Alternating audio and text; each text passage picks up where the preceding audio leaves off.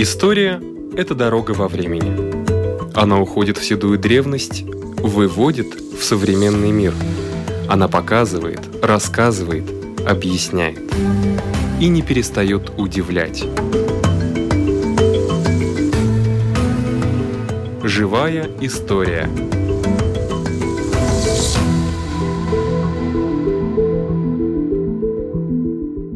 У микрофона Лидия Чера.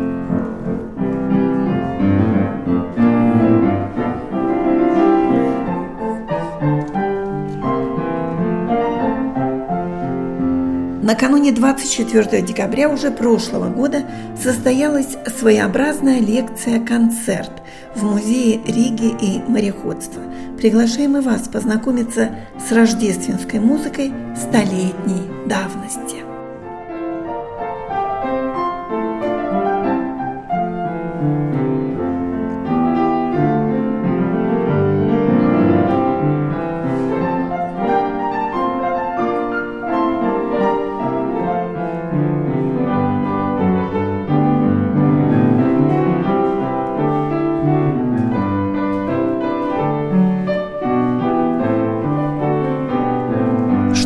Только не хранится в запасниках музеев. Например, музей Риги и мореходства открыл для меня новую какую-то рубрику «Обзор нот», которые тоже хранятся в этом музее. Хранитель фондов Антия Эрдмана Хермана.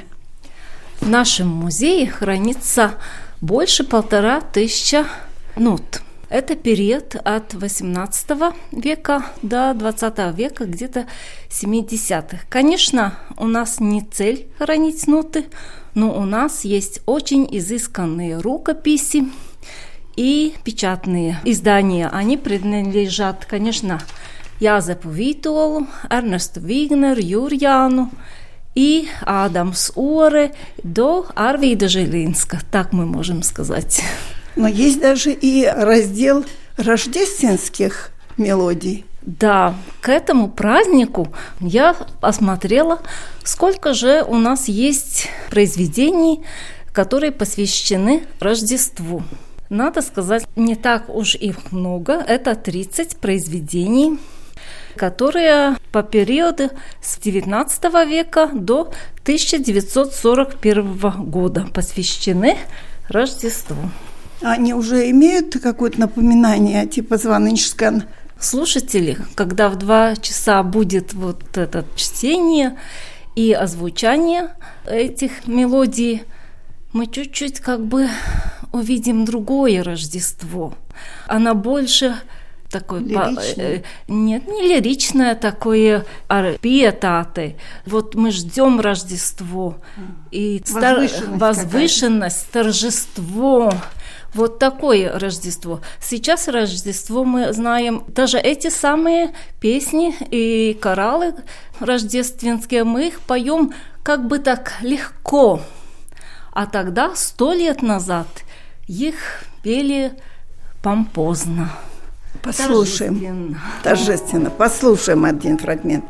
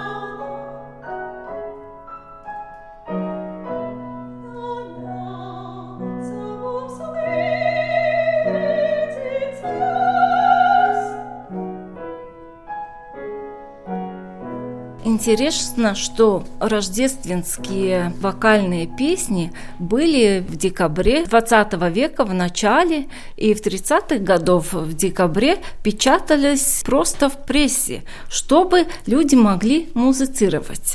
Там были, конечно, и вокальные песни, и для фортепиано.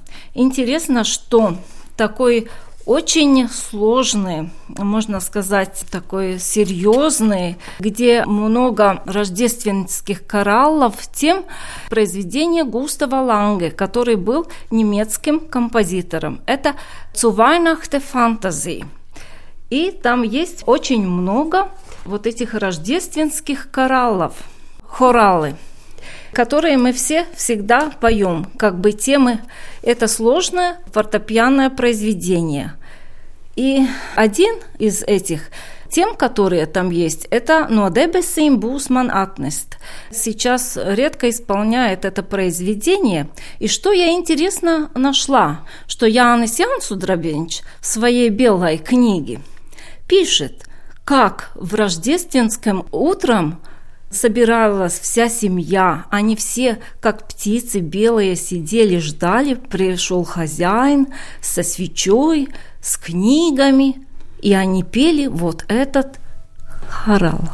А вот этот хорал будет исполняться? Он будет исполняться. Его будет э, Густава Ланге произведение играть пианист Казуки Аги Мото.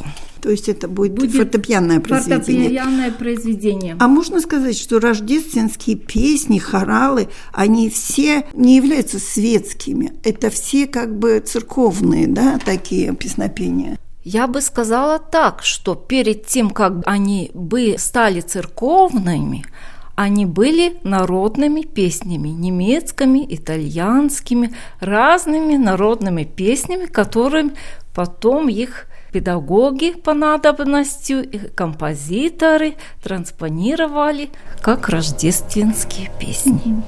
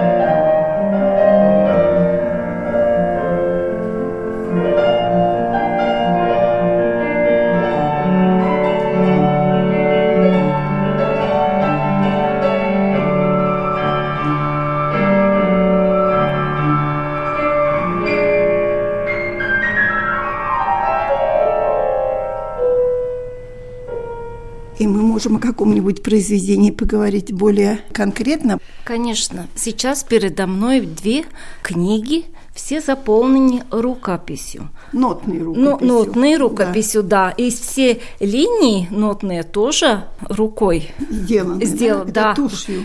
Это гаулу чернила такое, коричневое чернила специальное. Тогда писали, это не тушью, а специальное гаулу э, это чернила. тоже коричневое? Ну, ну такая темно-темно-коричневая, да, не черная.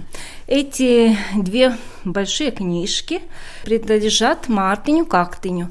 Он был Петерупес дирижер. Они датированы 1853 году, когда он учился в Виземском семинаре учителей. И что интересно, мы открываем, и здесь есть две произведения «О Таненбаум» и «Диар Таненбаум». Это популярная песня с двумя разными транскрипциями. И оказалось, что в 1853 году это довольно новая песня, модная, потому что ее история очень интересная. В этой песне, как по-латышски ее называют «Акеглейте» мы знаем, не поется ни про Марию, ни про Иисус, ни про этот случай, а про елочку. И она датируется немецкой народной мелодией 17 века и первый раз датирована в 1642 году. И тогда у него только был первый куплет. Его записал Йохам Август Зарнак. И только в 1824 году педагог, композитор немецкий и учитель Эрнс Аншиц написал второй и третий куплет и как бы переделал эту песню на рождественскую песню. До того это была любовная немецкая песня про Магдалену, девушку, которая непостоянная. И это, что елочка непостоянная или постоянная, вот эти строки остались с того времени. От Таненбаума. От Таненбаум, да. Да, ну Таненбаум это елочка все-таки переводится да. с немецкого. Конечно, елочка, но в первом варианте это как бы провозглашение о Таненбаум, а der Tannenbaum это просто елочка. O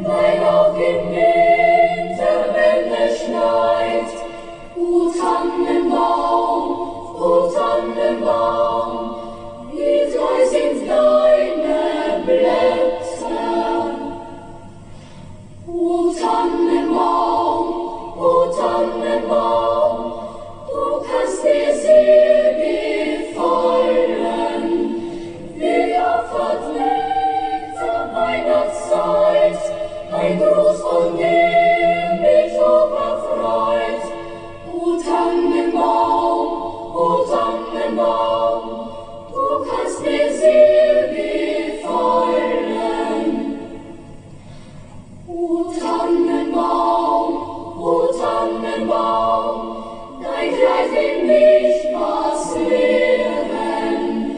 Die Hoffnung und Beständigkeit gibt Tod und Kraft zu jeder Zeit. O Tannenbaum, o Tannenbaum,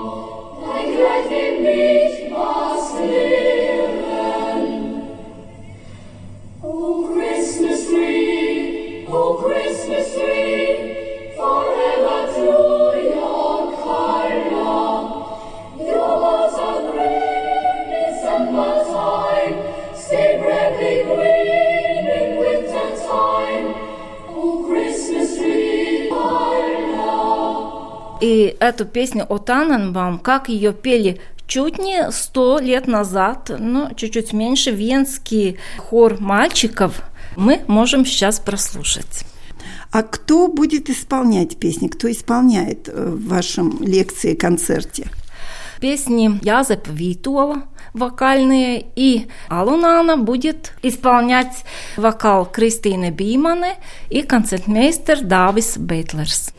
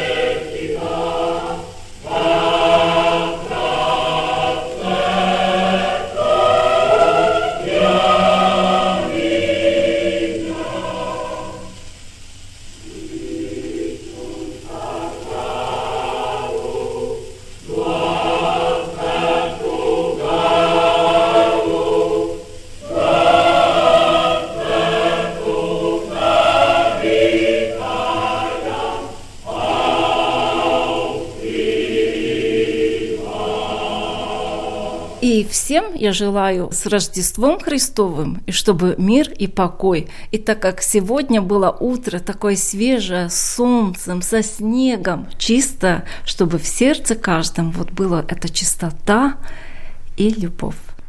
Спасибо. У нашего микрофона была хранительница фондов Музея Риги и мореходства Антия Эрдмане Хермане.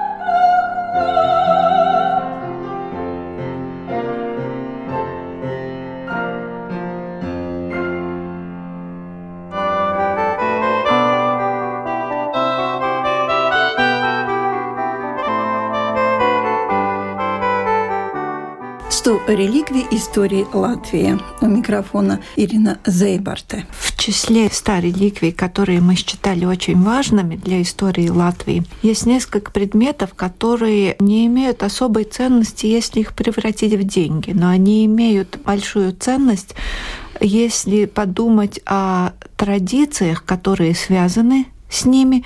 И, наверное, надо сказать, столетиями, тысячелетиями, которые были эти предметы использованы. И использованы не в праздники, не в каких-то особых случаях, а в повседневной работе, в повседневном труде.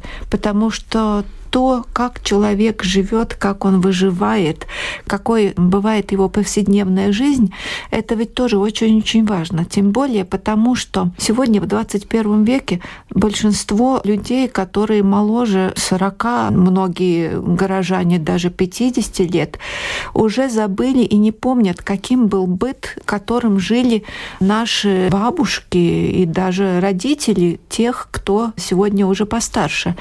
То есть каким был был день деревни, как заполнял свой день крестьянин.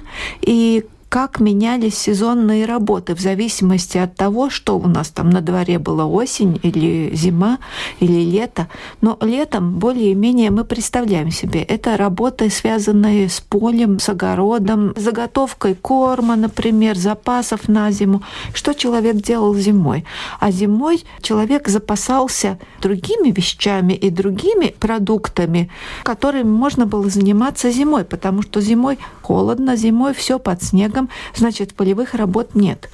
И вот если бы мы представили себе, чем занимался человек по вечерам зимой например, сто лет назад, ну и также 200 и 300 знаю, лет знаю, назад. Знаю. Женщины, да. наверное, пряли. Женщины пряли. И вышивали. И, и вышивали, и ткали. И вот эти очень важные занятия, это, наверное, надо сказать для тех, кто, может, не имеет такого опыта, они создавали основу жизни для повседневной жизни, когда нельзя было просто забежать в магазин, что-то заказать в интернет-магазине, когда все, что нужно было человеку в повседневной жизни, он должен был сам изготовить. И именно поэтому несколько таких орудий труда, если можно так их назвать, э, стали символом жизни человека, потому что они обеспечивали человека очень нужными повседневной жизни вещами.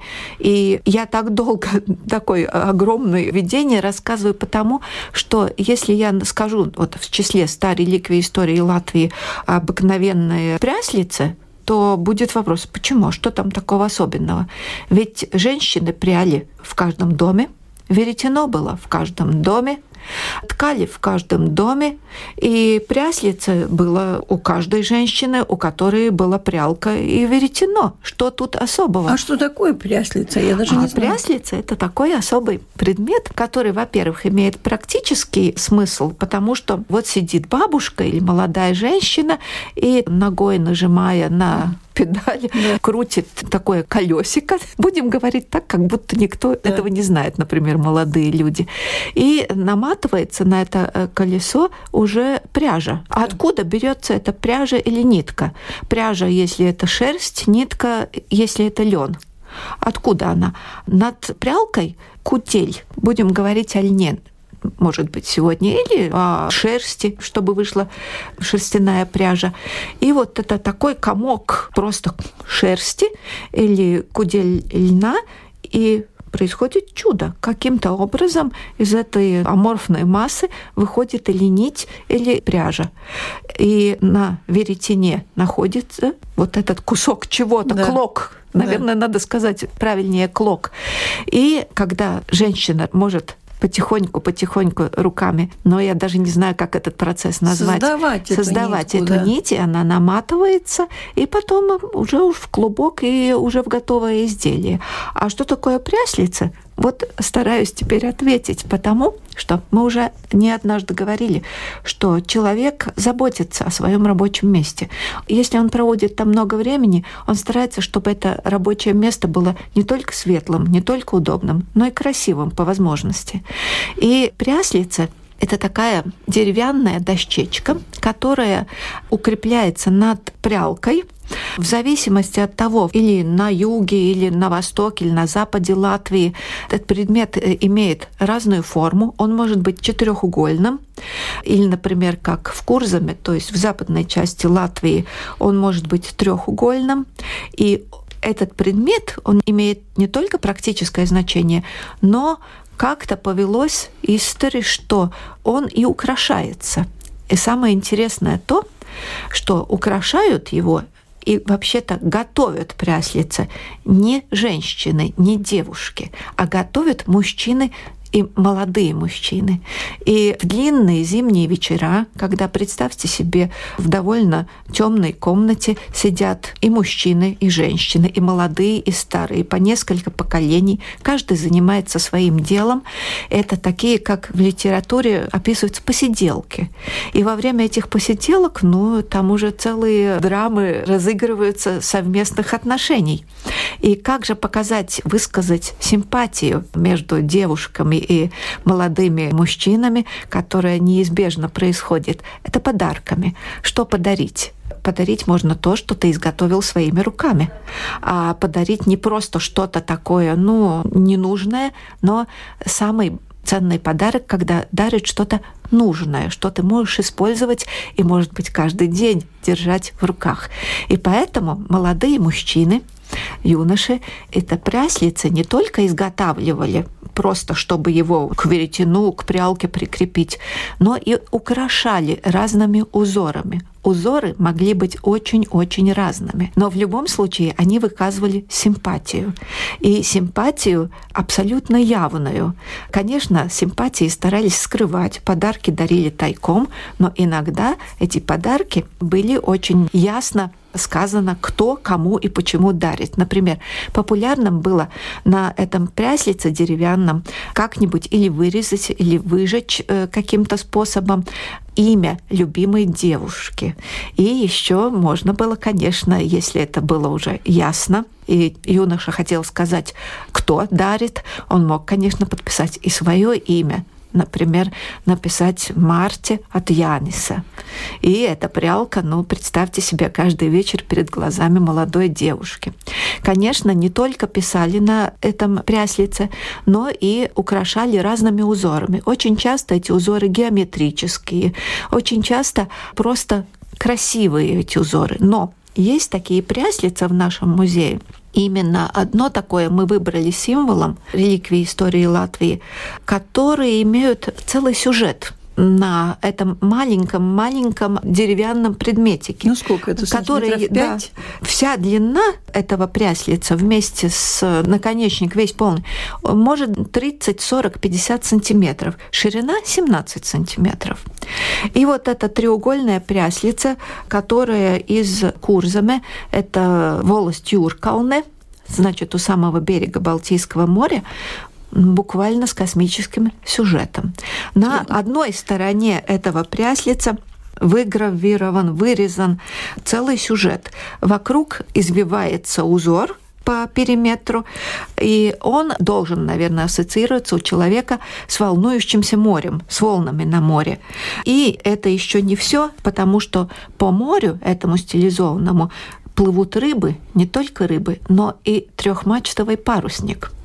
И над парусником небо, усеянное звездами, и над звездами еще имеется на четыре части раздельная луна. А на второй стороне рассказ уже не о море, а о земле, о суше.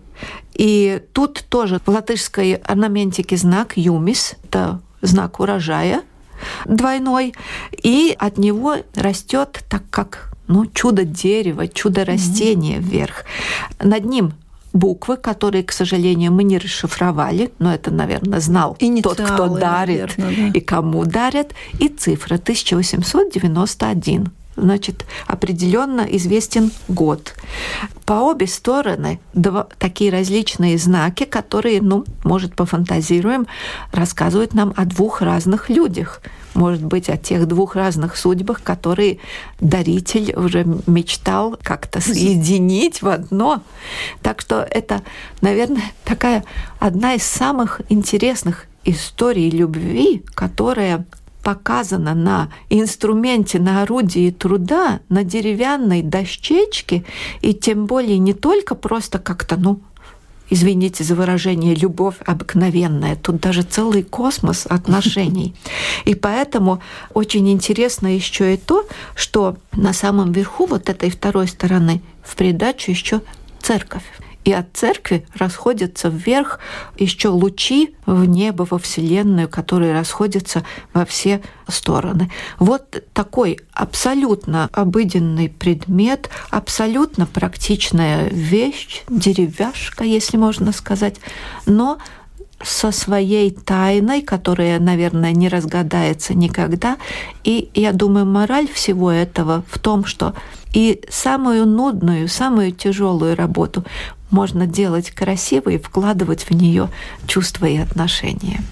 И поэтому эта деревяшка попала в список 100 реликвий истории Латвии. У микрофона была Ирина Зейбарта. На этом наша передача заканчивается. Всего вам доброго.